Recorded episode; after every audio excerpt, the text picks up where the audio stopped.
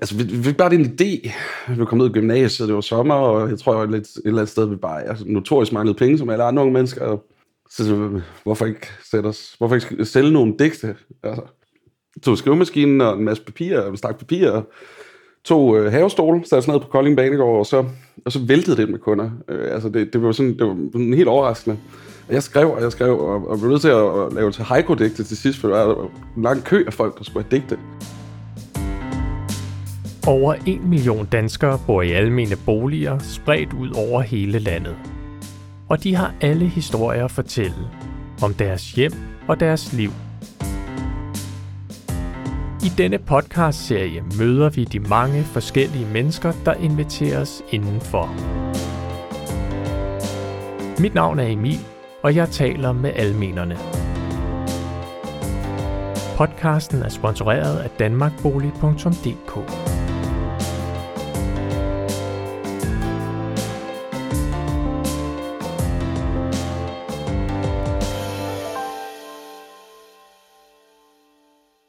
Vi er nu taget til Kolding, og øh, vi møder dig her, Simon. Ja. Vi har aftalt, at vi skulle hente dig her på Låsby Høj, sådan uh, downtown Kolding. Ja. Hvad er det her for et sted? Det er en fantastisk, øh, smuk gammel bygning, som er et gammelt forsorgshjem, øh, og som i dag er alt fra, øh, fra øh, misbrugsbehandling til over psykiatri og foredrag inden for sundhed. Som sådan en form for holistisk sundhedshus. Og øh, så vil du nok gerne spørge, hvorfor jeg er her, og hvorfor vi skulle mødes her. Og det er fordi, jeg synes, det hører med til historien, at jeg har levet et liv, som har været fyldt med musik. Og det er både for det gode og for det onde. Og for det onde, det er grunden til, at jeg er her og forsøger at gøre noget ved det. Og så vil jeg ikke komme mere ind på det for nu. Måske i bilen. Okay, vi tager det over i bilen. Ja. Vi, vi, vi tager hjem til dig nu, Simon.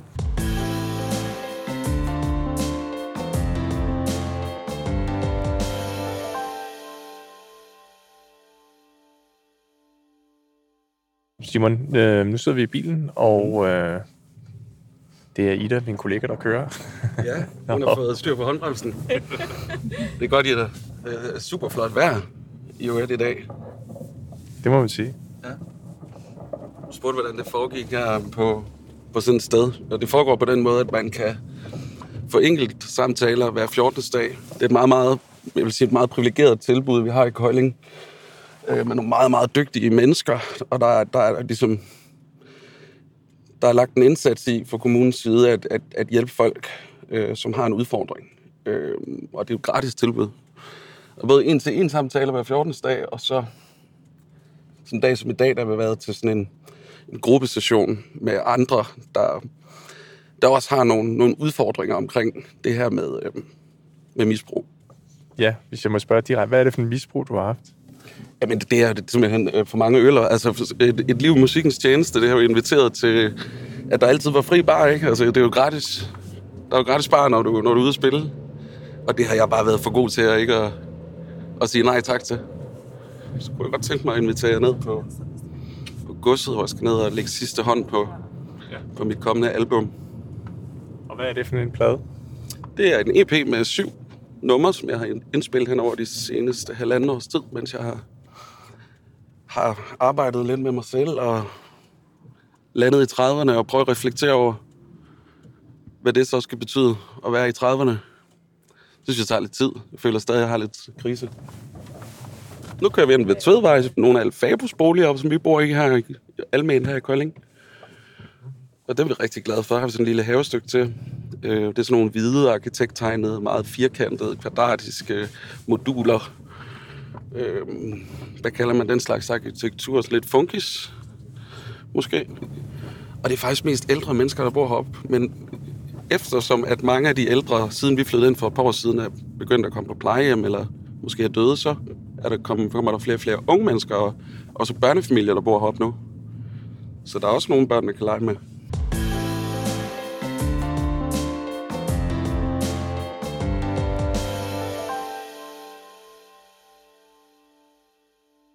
Nu har vi jo kørt igennem Kolding, og, øh, og nu er vi så her, Simon. Og du forklarede lidt om, hvor at, øh, hvordan det så ud udefra, og nu sidder vi her i din øh, hyggelige stue. Hvordan er det at bo her? Det er meget roligt, som I kan fornemme. Ja. Det var derfor, jeg lige lå stillheden råde. Det er det, fordi det ligger øh, det er lidt væk fra byen, fra bymidten, og tæt ved fjorden. Øh, man kan dog ikke høre bølgeskuld, men øh, der er god afstand ned til marinaen, hvor man kan sidde og, og se på bådene, og der er meget natur omkring, så det er et dejligt sted at bo. Det er godt for børnefamilier, vil jeg sige. Pladsen er jo ikke helt vild. Altså, nu har vi tre værelser. Stuen her, og så soveværelset, og børnene deler deres værelse. Men øh, det kan vi godt leve med lidt endnu, indtil de bliver så store, at de gerne vil være selvstændige og have deres eget rum. Hvor lang tid har I boet her? Vi har boet her i tre år nu. Vi flyttede ind den 1. december for tre år siden. Så det var sådan en juleflytning midt i... Det var simpelthen så kaotisk. Jeg tror, vi havde travlt med at arbejde begge to. På det tidspunkt, der var jeg lærer ude på Asgaard Højskole. Litteraturlærer. Og øh, vi var næsten ikke hjemme, så det var bare... Jeg husker bare kasser ud over det hele, og så et juletræ med den. Og så fandt vi lige stille for plads. Og fandt ud af, at der primært bor ældre mennesker her. Derfor er det også ekstra stille om aftenen. Klart. Du er opvokset i Bilund? Ja, det er jeg, sammen med min lillebror. Og vi har altid delt værelse. Så det, for mig er det helt normalt, at børnene gør det. Og det er også normalt, at man bor sådan, at man, at man er så tæt. Du kan se, der er altid gennemrende, fordi børnenes værelse er i den ende. Så de skal igennem øh, spisestuen og stuen for at komme hen på deres værelse. Og jeg er opvokset i Billund, og der var det meget det samme. Vi boede også almen. Mine forældre gør det stadig, det sted, vi voksede op. Og for dem var det, har det været et valg. Fordi øh, det er ikke fordi, de, har, de ikke har haft råd til andet. Øh, købe til hus, der har, det har de også kigget på nogle gange, men det er bare, jeg tror faktisk, at, at de har det sådan, at det, det passer bedre til dem at bo almen. Hvorfor tror du det? Det er et godt spørgsmål. nu kan jeg ikke tale på deres vegne, men ud fra min opfattelse, så tror jeg, det er fordi, at, øh, at de måske har haft deres ungdom i København, og, og i 20'erne i København og start 30'erne, hvor de blev uddannet som henholdsvis konstruktør og skolelærer. Lyder til, at børnene kommer. nu kan man høre dem. Hej. Hej. Nå, hun er generet, siger hun. Det er fordi, at de taler, begge børn taler både russisk og dansk. Og ja. det betyder generet på Hej. russisk. Hej. Hej, Eva. Nå, hvad, hvor kom vi frem? Vi, vi snakkede om din mor og far, mm. som var som kommer fra København. Eller hvad var det? Oprindeligt fra Kolding Nå, okay. Henholdsvis Haderslev og Kolding. Men var unge og studerede i København og, og boede der mange år, inden de valgte at flytte tilbage til provinsen. Jeg tror bare, de er formet af det der med, at altså de, også fra min, min far, farfars hjem, det var her i Kolding, der boede de også til leje. Og det der med, det, det er jo en livsstil. Det er jo at være tæt på mennesker, og det er, at øh, på den anden side af væggen, der er der en helt anden øh, familie, en anden livsforløb og en anden skæbne. Og at man kommer hinanden ved. Min farfar var visevært her i Kolding, og han øh, var den slags visevært, der var synlig, og som øh, hilste på alle, og også øh, fik lov til at gå hen over dørtærsken, uden at der var noget mærkeligt i det, og sige, hvordan går det så? Og det tror jeg har været med til at forme min far rigtig meget. Og øh, sådan er det jo også derude, hvor de bor nu, hvor vi er vokset op øh, ude i Bilund. Jamen, det, når folk de kører forbi, så stopper de også op tit og lige får en snak med far, hvis han har tid. Så jeg tror meget, det er det der med at komme hinanden ved. Og det er næsten mere utrygt, hvis der er en ligusterhæk imellem os. Ikke fordi der, det, det kan være lige så trygt, det, ikke, men, men, men man er også forpligtet på en eller anden måde. Ikke? Vi, vi bor i den samme type bolig, og vi kan ikke undgå simpelthen at høre, hvis der er et eller andet, der er helt galt på den anden side af væggen. Så er du lidt tvunget til uh, action. Og snakket om i, en musikalsk familie, det har altid, det har altid været ja. stærkt hos jer. Det har det i den grad. Øh, og, og der var, det var hjemme med klaver.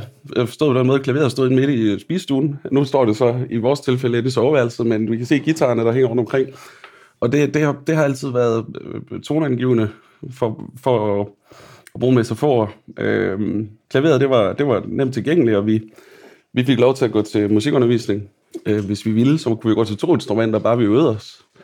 Det var forventningen, at hvis man gik til noget, så passede man det også. Ja, til gengæld så endte det med, at vi gik hen og blev gode til det. Forstået på den måde, jeg siger ikke, jeg, jeg siger ikke, at jeg er, er en vild øh, teknisk dygtig musiker, men, men jeg har det bare med modermælken. Mor sang med os meget, og dyrkede rim og ramser og digte, og den der, det der med at udtrykke sig, det, det fyldt meget. Hvilket instrument spiller du? Jeg spiller klaver og guitar. Primært klaver. men har spillet alt for meget guitar i alt for mange år, fordi jeg ikke havde klaver, efter jeg flyttede hjemmefra. der var ikke rigtig plads til det i studielejligheden og så videre. Nu har jeg fået et, jeg fyldt 30, der gav mine forældre mig et, så det var sådan lidt symbolsk, ikke? Fordi nu er man tilbage til ens rigtige instrument, man føler sig hjemme i klaveret, der man, man faktisk skal gøre lige det, man tænker på, og man ikke først skal slå det op i nogen nodebog, eller lige tjekke, om fingrene sidder rigtigt. Nej, det gør de også, selvom jeg ikke kigger ned. og kan spille solo og spille band og alt det der. Og hvordan har det... Ja, nu, nu snakker vi om, at du er vokset op med musik. Hvordan, ja, hvordan har din egen indføring i musik været, udover at du kan selvfølgelig spille med instrument, men det har også været din levevej? Det er det gået hen og blevet jo, fordi øhm, så kom corona, og så blev jeg jo afskedet ude fra, fra Askov, ikke? højskolen. Jeg havde, jeg havde ikke en fuldtidskontrakt, så jeg var en af dem, der røg der, da alle eleverne blev sendt hjem.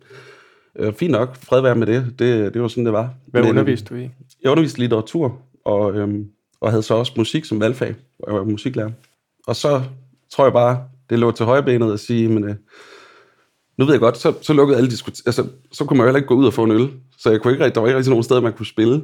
Men når der så var de her åbninger hen over sommeren, jamen så, hvis man ikke lige kunne finde et arbejde, så var det ud og spille. Ikke? Fordi at, øh, altså det, det ligger sgu ikke i min natur at, at sidde derhjemme, og, og for eksempel, det kunne være en eller anden ydelse, man kunne få en, en offentlig ydelse. Det, det, øh, jeg har da prøvet det, hvis jeg havde nødt til det, men jeg helst klare mig selv. Fordi den, det, det, det, det er den frihed, der er alfa og omega for mig, at man, man kan stille sig op på de skrå brædder og så underholde. Hvad underholdt du så med? Ja, så spillede jeg. Øh, alt fra Bob Dylan til Kim Larsen. Kun dig selv, eller med et band? Eller? Med band, dig selv, og som du, og som trio, og øh, hvad hedder Bøllebanden, mit band, som jeg virkelig har spillet meget med rundt i hele Danmark. Også på, på festivaler, men, men primært privatfester og fødselsdage og bryllupper og begravelser for den sags skyld også.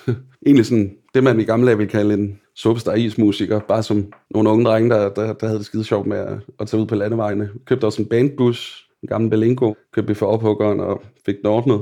Så kørte vi bare landet rige rundt og spillede og bankede på. Og... Med covernumre, eller hvordan? Ja, covernumre. Men lige så stille, så kom vores egen, eller så kom det her behov fra, fra min side af, om også at, at begynde at skrive mine egne sange. Ikke? Når der er noget, der trænger sig på, og man ikke kan lade være, så lige pludselig så, så begynder man bare at skrive. Ikke? Det kan være, være noget, noget, nogle historier op i hovedet, eller nogle ting, man har oplevet. Og din bror er også gået musikalsk varm. Hvem, hvem er ja. det? Det må du hellere selv fortælle.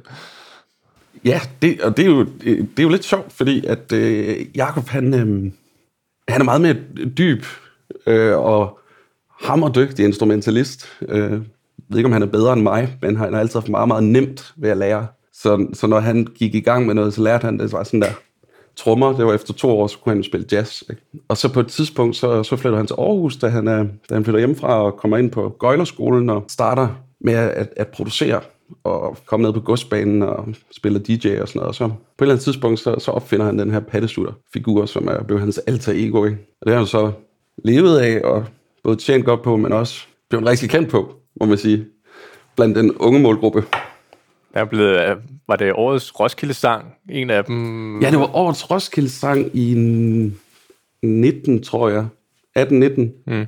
Hans, hvis man, hvis man kender Jakob godt, så vil man også vide, at han han dyrker noget, nogle helt andre slags musik. Det, det er simpelthen en, jeg vil, jeg vil kalde det en cash cow.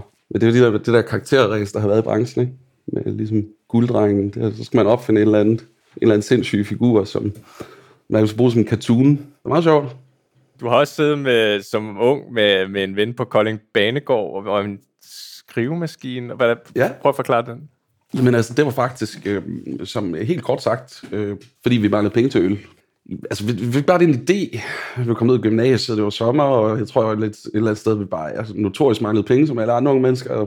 Så, så hvorfor ikke sætte os, hvorfor ikke sælge nogle digte? Altså, tog skrivemaskinen og en masse papir, og en stak papir, tog øh, havestol, satte os ned på Kolding Banegård, og så, og så væltede det med kunder. Øh, altså, det, det var sådan, det var sådan helt overraskende. Jeg skrev, og jeg skrev, og, og blev nødt til at, at lave til haiku-digte til sidst, for der var en lang kø af folk, der skulle have digte. Det var en god træning. Jeg gik på FGK på det tidspunkt. Hvad er det? Lidt ligesom, hvis I kender MGK. Det er den forberedelseskole til musikkonservatoriet. Så er det, så er det ligesom på forfatterskolen, inden man går på, at man bliver forfatter, om man så må sige. Det, men det, det var de samme lærere, det var ude i Esbjerg, det samme lærere, som der underviste på, på forfatterskolen, vi havde med andet Jeppe Brixvold, som har været rektor på på forfatterskolen i København, og vi havde Jørgen Let på besøg, vi havde Pia Jul, der desværre ikke er blandt os længere som lærer, gæstelærer. Vi havde altid en kendt forfatter, der kom ind og, og coachede, og så arbejdede vi faktisk med egne tekster, ligesom på forfatterskolen med tekstlæsninger. En skide god øvelse at sætte sig og så bare producere. Det kunne være, det, altså, det, og det var simpelthen alt, vi kom til at skrive. Øh, der var, der var, det blev en, en terapeutisk form i virkeligheden. Der var en dame, der brød sammen, og hendes mand var kommet på plejehjem, og han kunne ikke huske hendes navn, og skrev et digt, som hun kom tilbage et par dage efter. Vi blev siddende i flere uger jo, for det blev en succes. Og rejste også rundt med det, var inde i aftenshowet med det. Og så var der faktisk et periode på et halvt år bagefter, hvor jeg levede af det. Øh, fordi at det, det, det, der historie, der var blevet fortalt om det, det gjorde, at, at, at det blev sådan en firmaarrangement, de ville gerne have på et ud og skrive digte. Så der var siddet og skrevet digte i revisorfirma, virkelig syret. Øhm, og var det så musik til, eller var, der kun, var det kun digten, eller hvordan fungerede det? Det, det, det var simpelthen mig og en skrivemaskine. Nå, det er sgu da sjovt fundet på. Det siger et eller andet sted meget mig, og det, altså det, der, det, det betyder virkelig noget for mig, at man, man selv kan gøre noget, og at man selv kan, kan skabe noget.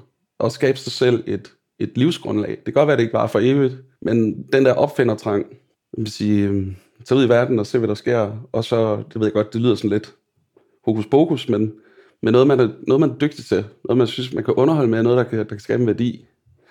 Og det synes jeg er okay at prissætte. Er nogen, der vil sige, at kunst må ikke koste, det skal ikke koste penge? Jo, det skal ikke koste penge. Det skal koste 20 kroner. Jeg bruger 10 minutter, så det koster 20 kroner. Hvad, hvad, tager, hvad får du i 10 minutter? Du må passe det med. Så, så kan du måske have råd til at give en 50'er for digter. Det var jo nogen, der gav. Fedt. Og, og, og den, den livsstil har bare lidt præget mig øh, lige siden den der... Jeg ved godt, man kan ikke resten af livet leve som gøjler, men var nødt til at have noget fast job indimellem, men, men den tiltaler mig ekstremt meget, og jeg har altid lyst til at egentlig bare tage ud og møde mennesker, og, og så, så skabe noget i det rum. Og nu har vi jo, vi har jo snakket lidt om, at, at der kan godt gå sådan lidt fest og farver i sådan et uh, rock and roll liv der. Hvornår starter det? Jamen altså, det starter det starter nok gymnasieårene, ikke? At, at, uh, gymnasiebands og, og alt det der. Ud at spille og spille til festerne, og så spiller vi også i byfesten, og så spiller vi også til det ene og det andet, og så var det jo altid fester. Lidt tilgængelighed til de våde varer. Det er klart sådan en branchebivirkning, eller hvad skal jeg sige? Det kan man godt sige, ja. Øh, og og, og hvis, hvis man har det sådan, at øh, man, man er en følsom sjæl, så er det jo sådan dejligt, og nogle gange lige få lidt, lidt ro på. Men det er, det er sådan en hård, fin balance. Hvornår er det for meget, hvornår er det for lidt, hvornår er det et problem, hvornår er det et forbrug, hvornår er det et misbrug. Hvornår har du tænkt, at det var et problem? Det har jeg, når jeg skal se mig selv i øjnene som far. Øh, nu for anden gang, kan man sige, med min datter.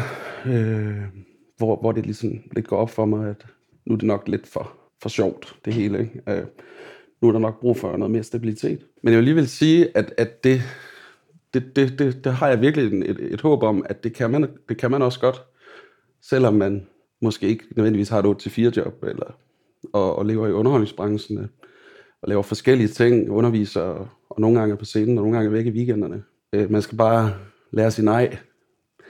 Og det, øh, det er det helt store øh, vendepunkt for mig lige nu. Det er at begynde at, at sige nej til ting. Ja, for det var, hvor vi var henne her i eftermiddag og henter. Det er jo så et, øh, et behandlingssted. Hvordan, øh, hvordan kommer man i det, eller hvordan kom du derhen?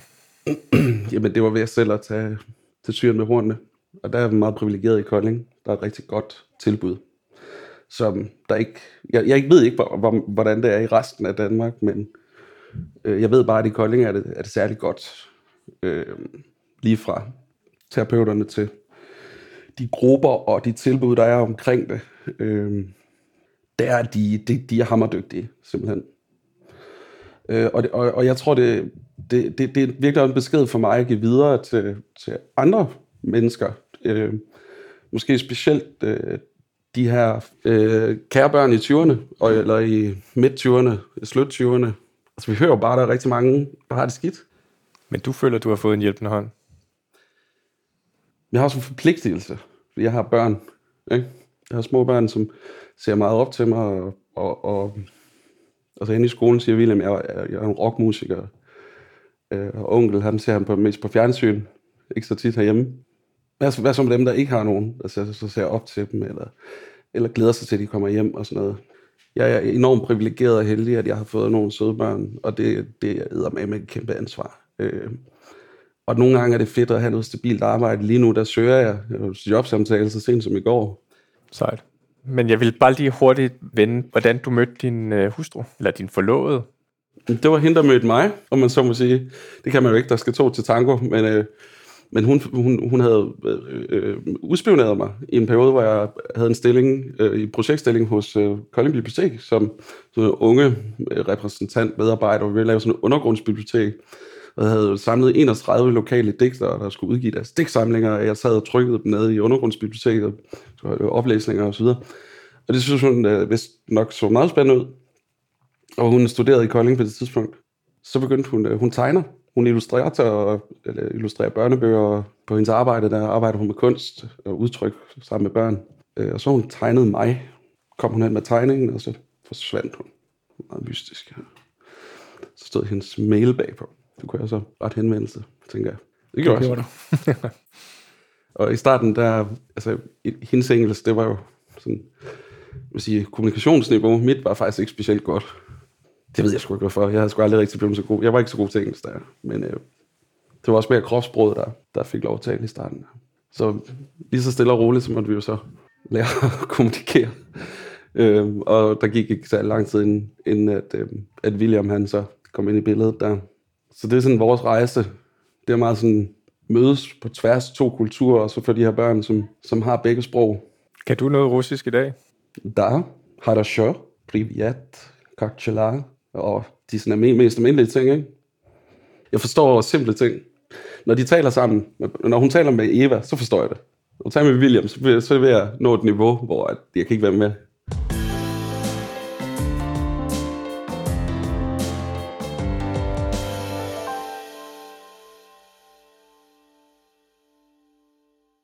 Simon, hvor er vi henne? Jamen, øh, vi, er, vi er i øh, godsbygningen. Og man så må sige, vi er på godset. Det regionale spillested Godset. Det er der, vi er nu. Og det er en gammel godsbygning, hvor at øh, konstruktionerne øh, og spærrene, de er tydelige herinde midt i bygningen. Et sted, som musikere elsker at komme. Øhm, også lidt fordi, at øh, vi har en, øh, en rigtig fed back- backstage-lokale her, som består jo af en, øh, et gammelt togvogn, der er sådan bygget om til backstage med bar og mulighed for at sidde og hygge sig og, og være lidt privat derude, inden man skal på. Og jeg har igennem min tid mødt rigtig mange musikere hernede, og nyt den fantastiske lyd, der er i det her lokale. Og det kan Michael fortælle meget mere om, fordi det er, han er lydmand hernede til daglig, udover at han er min producer. Ja, og hej Michael. Hvad er dit fulde navn? Michael Skorbo. Og hvad laver du hernede? Jeg er freelance lydmand hernede. Altså, det vil sige, så det er jo ikke kun her, så jeg er lydmand rundt omkring, men jeg laver rigtig meget lyd hernede. Og du er producer på Simons plade? Ja, Simon øh, kontaktede mig, øh, hvor han så spurgte, om jeg ikke kunne tænke mig at hjælpe mig af nogle af hans demoer, og så tænkte jeg, jo, altså jeg har jo en fortid, som jeg har selv haft lydstudier og sådan noget, som jeg så har, lukket ned, men, og ikke rørt ved det længe, men så tænkte jeg, så er der en mulighed for at komme lidt i gang igen. Så det sagde jeg til, og nu er vi i gang med, hvad er det, syvende, sætte, syvende nummer? Syvende, syvende, syvende sang til EP'en, ja. Ja, sidste. lige Og, øh, og den skal have noget klaver på, rigtig klaver på, så det har vi indspillet i dag med en pianist. Skal vi prøve at høre noget? Ja. Mm.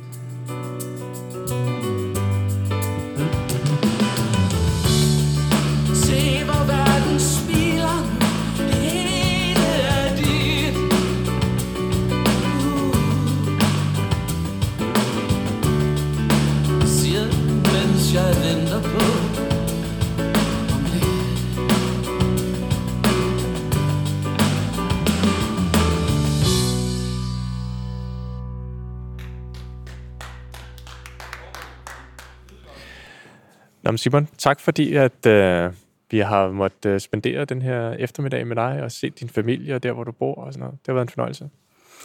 Selv tak. Det har, det har også været en fornøjelse for mig, og jeg synes, det har været rart, at der har været en, en ærlighed i samtalen.